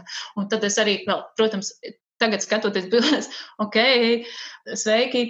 Uh, nu, tipu, tu biji skaista. Nu, eh, nu, bet tas, ka es, un, es lūdzu Dievam šo, lai viņš padara man skaistu. Un tas ir tas. Uh, Bet nu, tas jau nav, tas pat nav, es nezinu, vai tas bija notikums, vai viņš ir pārveidojies manī, bet nu, kaut ko tādu es atceros. Tad, bet rakstīt par to es sāku kaut kādus 20 gadus pēc tam, kad es biju sapratusi šo notikumu, varbūt kā kaut kādu es nezinu, kaut ko emblemātisku vai varbūt pat kaut kādu kļūmi. nu, nezinu. Bet, nu, es gribēju par to pastāstīt, ka kaut kas tur klikšķi tāds. Un es gribu, nu, tā kā. Bet tas, protams, tas bija tik, nu, Es, es, kad es sāku rakstīt skaistās, varbūt arī tas bija pirmais, par ko es sāku rakstīt. Viņš, protams, ir pilnīgi mainījies, bet, nu,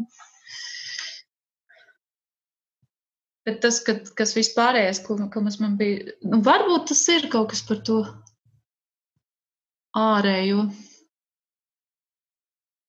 Bet arī par to savu daļu tajā, ka es arī tik ļoti esmu koncentrējusies uz tā ārēju vai uz to gaidu piepildīšanu, ka es gribu par to pateikt, ka man tā ir, lai es no tā atbrīvotos. Arī tas, tur, protams, ir. Mm. Manuprāt, manuprāt, tu pašā, pašā šī, šīs atbildes sākumā pateici ļoti labu frāzi viss un nekas šajās grāmatās ir, ir par tevi un no tevis. Klau, bet kas ir tas, ko rakstnieki lasa? Vai rakstnieki lasa un ko viņi lasa? Un, un cik daudz tu lasi mūsdienu latviešu literatūru, vai, vai tev ir kaut kādi kolēģi, kurus, kuru darbus tu gaidi un izlasi ar prieku? Vai varbūt latvieši nē, ār, ārzemju autori? Jā. Um, es ļoti grib, gribu lasīt, lasu. Bet, nu, ir tā, kad uh, es nevaru tajā brīdī, kad es rakstu, piemēram, intensīvi, vai kad man ir jāpabeidz, es nevaru lasīt to pašu žanru. Tā kā, piemēram, rakstot ļoti intensīvi, lasot, rakstot romānu, tad es lasu dzējojus, ļoti daudz dzējojus, vai arī eh, publi, nu, zinātnisko, akadēmisko kaut kādu literatūru. Un tāpēc, piemēram, tagad jau es ļoti domāju, ak, Dievs, kad es beidzot varētu beigt, jo man ir sakrājies viss, ko es gribētu izlasīt. Nu, un es lasu, piemēram, es gribu izlasīt Andrus Manfeldes vilcēnus, un, eh, bet es viņus tagad nelasu apzināti diezgan, jo es negribu ietekmēties. Mm -hmm. Kaut kā, nu, Jo tā, caur to valodu mēs esam tik tuvi un mēs esam tik maza nācija, mēs esam kaut kādi radinieki visu caur un caur. Piemēram, rakstot arī par to pašu Ivanu Kāju, es uh, tur uzzināju, ka es esmu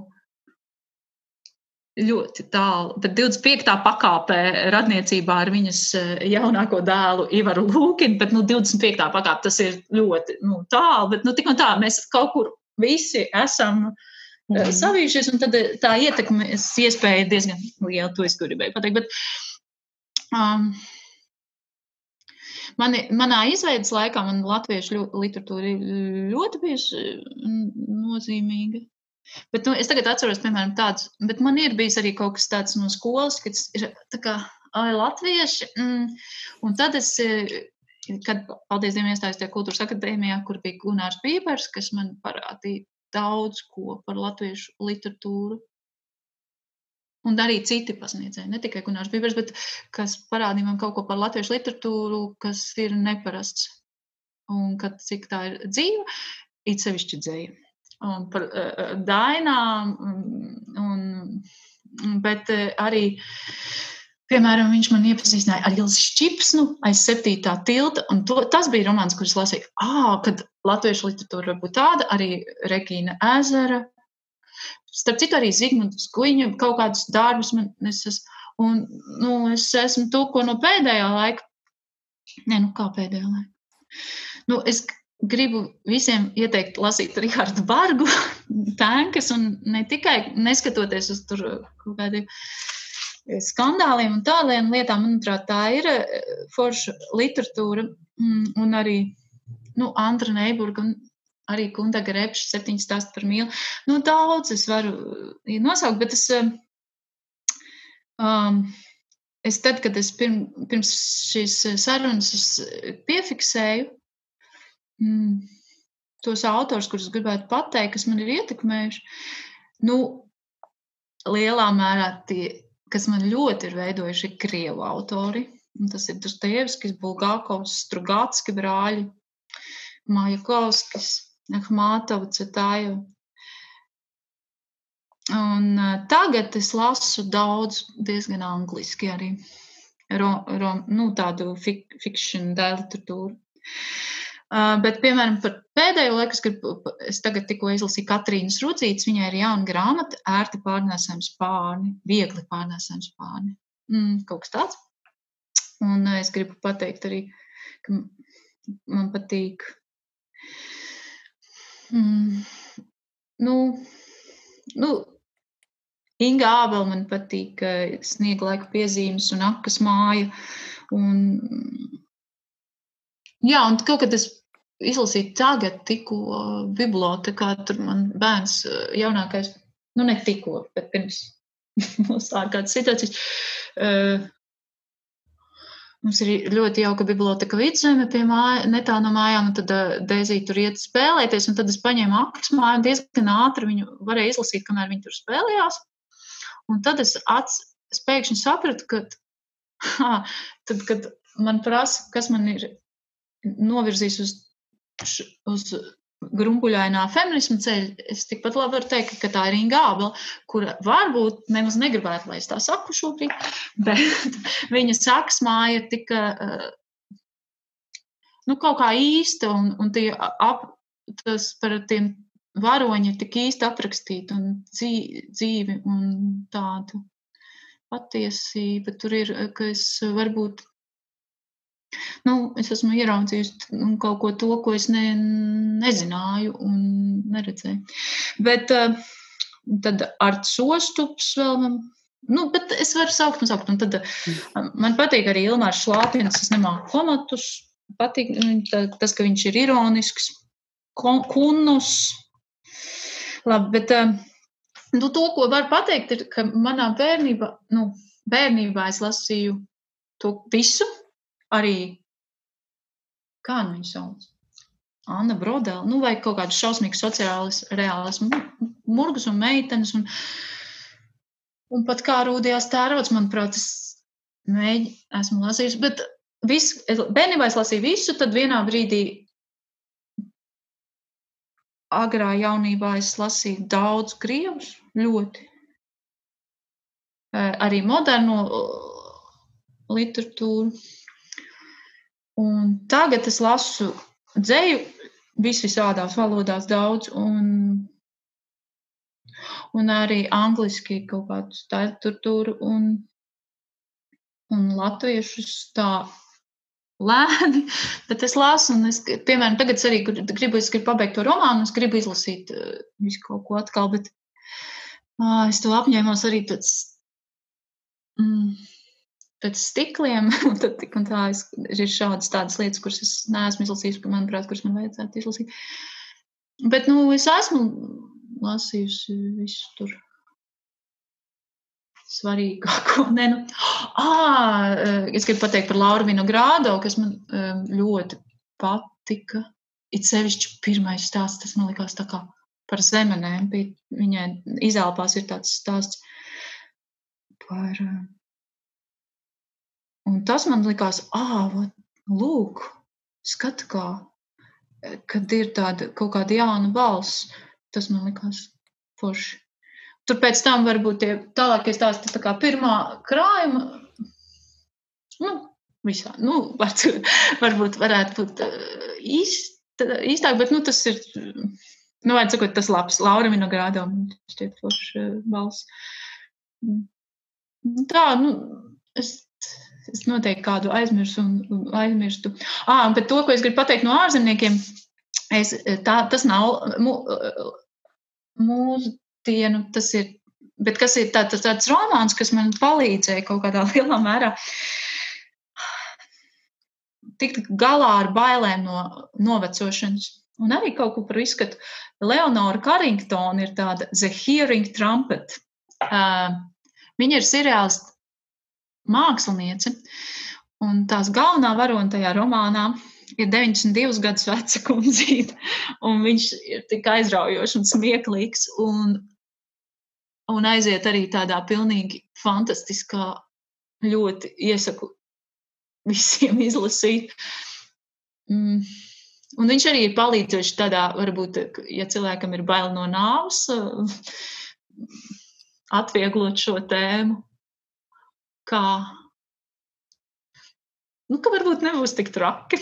nu, kad, tas viss ir mūsu rokās. Un tad ir tāds romāns, kas man ir šķities ļoti svarīgs, Helena de Witt, Last Samurai.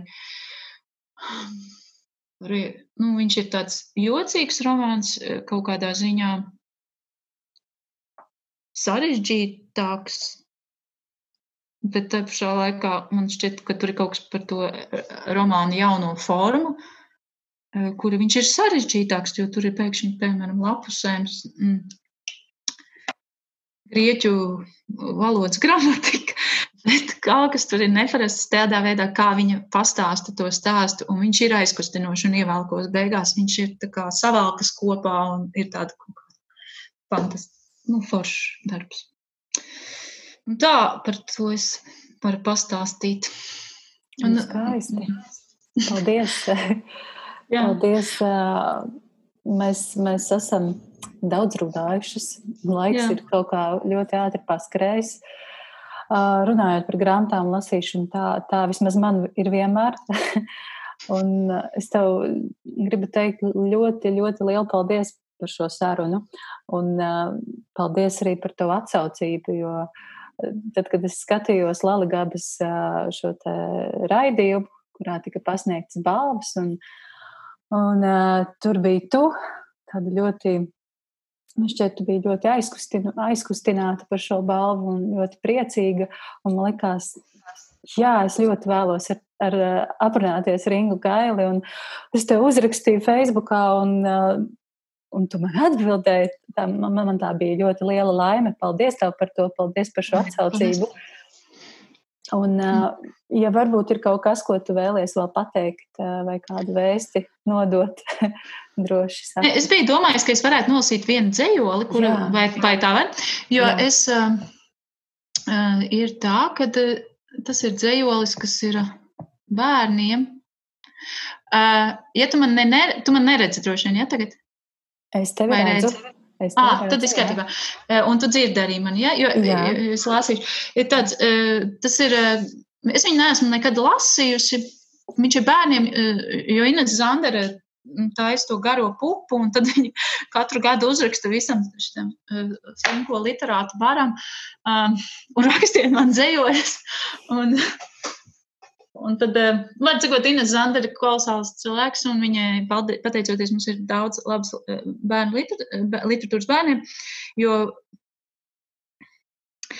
viņa arī man piespiedu beigās tomēr uzrakstīt to vienu krājumu, vai otrā grupa man dzird, bet eh, viņa sāka to darbu ar mani jau ļoti agri. Man nu, kad man ir jāraksta bērniem, man ir jāraksta bērniem, vai tur jau raksta bērniem, kad es biju stāvoklī ar Alisu Līku, kas ir vecākā meitiņa, viņa nāca klāt kaut kādā kafejnīcā, es atceros, mēs sēžam ar Mārtiņu un Alisu tēti, un Ines man pienāk un saka, nu, tagad tev jāraksta bērniem, jo tev ir tas lielais vēders, un, un es tik un tā nerakstīju bērniem, bet tad beigās viņa vienkārši nostādīja man tādu faktu priekšā, ka viņa piezvanīja man un teica, tā, tagad tu brauc uz Tādenavu, tajā un tajā septembrī, Alisei, cik, nu, tam bērnam, cik tur jau gads, tā, ka tu brauc tur pēc, pēc divām nedēļām, un lai tev būtu trīs dzējoli. un tad es uzrakstīju pirmo dzējoli, ko iesākt ar pieaugšo lielveikalā, vai viņiem, nu, nu un, vārds sakot, viņa to panāca, kad es to tomēr izdarīju. Un tagad atkal Viņa to panākusi. Es uzrakstīju to dzējoli, kas saucās Gaiša zila žirafa, un es viņu nolasīšu. Viņš nav labai gīs, bet arī nu, nav mežonīgi garš. Um, tā. Mm. Gaiši zila žirafa. Reiz dzīvoja divas meitenes un mamma, un viņām nebija tēta. Reiz dzīvoja divas meitenes un mamma ielā, kurā auga gaišas zili koki ar rozā augļiem zaros. Reiz dzīvoja divas meitenes un mamma mājā, kur dzīvoja arī zirnekļi, pārtikas kodas, mitruma pelējums, daudz krāsu zīmuļu, akvareļu krāsas, pasteļu krītiņi, flomasteri ar nepareizajiem, bet tomēr vāciņiem, grāmatas visādās vietās, dažādas lapiņas ar svarīgiem vēstījumiem, divi ar pusi laptopi un dīvainas. Reiz dzīvoja mamma mājā un tēti citās mājās. Reiz dzīvoja divas meitenes, kuras bija ļoti labas draudzenes, kā reizēm kliedza, es te vienīstu. Reiz dzīvoja rozā mākons uz zilu debesu fona un dzeltena saula un divas meitenes, katrai bija mamma un tētis, tikai savādāk. Reiz dzīvoja mamma un gaiši zila žirafe, kuras kakls iestiepās debesīs un pa kuru varēja uzlīst dievam sūdzēt. Un kādā lielās dienas rītā, kad zeltaina saule visur bija izlīmējusi savas īgā līmlapiņas, kuras vēstīja, ka šobrīd jebkas ir iespējams, mamma rāpās debesīs. Reiz dzīvoja Dievs debesīs. Reiz dzīvoja divas meitenes, kuras dienā, kad mamma kāpa debesīs, izmantoja iespēju un skatījās YouTube tādus visādus YouTuberus, kur tiesko nepatikt mammai un ēda savās istabās, kā kraukšķi vien. Reiz dzīvoja rozā cukurvetes mākoņa ap dieva māju. Reiz uzkāpa mamma pa gaiši zilas žirafs kaklu un izstiep rokas kā brīvības pieminekļa kundze, lai pašķirtu rozā cukurvetes mākoņus. Reiz, dzīvo, reiz Dievs dzīvoja debesīs un ieraudzījis mammas rokas, ļoti nopriecājās. Reiz dzīvoja mamma, kas pašķīra rozā cukurvats mākoņus un ieraudzīja. Reiz dzīvoja Dievs debesīs un saule uzzīmēta ar pēdējo gandrīz izžuvušā flomastera izelpu. Reiz dzīvoja Dievs debesīs un bija viņai gaiši zili mati un zaļas augstspējas kurpes, lai varētu dejot flamenko. Vakaros, kad saule aizgāja gulēt, izēstu čipsu paku čaukstoņā, sienāzīšu un krupju dziedājumā. Reiz dzīvoja priecīgs dievs, un divas meitenes un mamma dzīvoja, un rozā debesis, un čipšu paku gultas, un flomas starp brīnumu. Un gaiši zila žirafa, pa kuru uzkāpt augstāk, lai noskaidrotu, kāds rīt būs laiks un vai var braukt uz jūru. Reiz dzīvoja mamma un divas meitenes, un katru rītu un vienmēr dzīvoja. Reiz dzīvoja dieva mamma, divas meitenes un tēti, kas bija atveduši katrs pa zaļam tapīram, lai iepazīstinātu ar gaiši zilo žirafu. Reiz dzīvoja gaiši zila žirafa, divi zaļi dievi, 16 apīri, rozā debesis, 185 mamtēti un dievs, kura dejo flamenko. Nu, jauki. Paldies tev liels. Un, un, jā, to noteikti jāraksta bērniem. jo es, es uh, uzbe, uzbūru tādas ļoti krāsainas ainiņas, un, un šis krājums uh, vai otrā grupa mani dzird, kas ir kopā ar uh, mākslinieci Aneti Melici. Ah, jā, tas ir. Jā, tā, tās ilustrācijas, manuprāt, arī šim dzējolim ļoti labi piedienētu. Jā, un Anita vispār, nu, tagad viņa raksta, viņa veido pati savas grāmatas, tā Anita ir superīga. Jā, lielā mērā viņa, viņa arī viņa ir izdomājusi visādas tur spēles, te krājumā vai otrā grupa, man dzird, un visādas receptes un visu kaut ko viņa brīnišķīgi um, um, māksliniece. Jā. Jā. Tā kā. Nu, ko, nu, Inga? Liels paldies par iespēju visu šito pastāstīt, ka es varēju nolasīt sajūtu. Jā, paldies tev par, eh, par visu, ko tu pateici. Paldies par tavu atklātību un par tavām domām. Un, eh, jā, un tu esi skaista.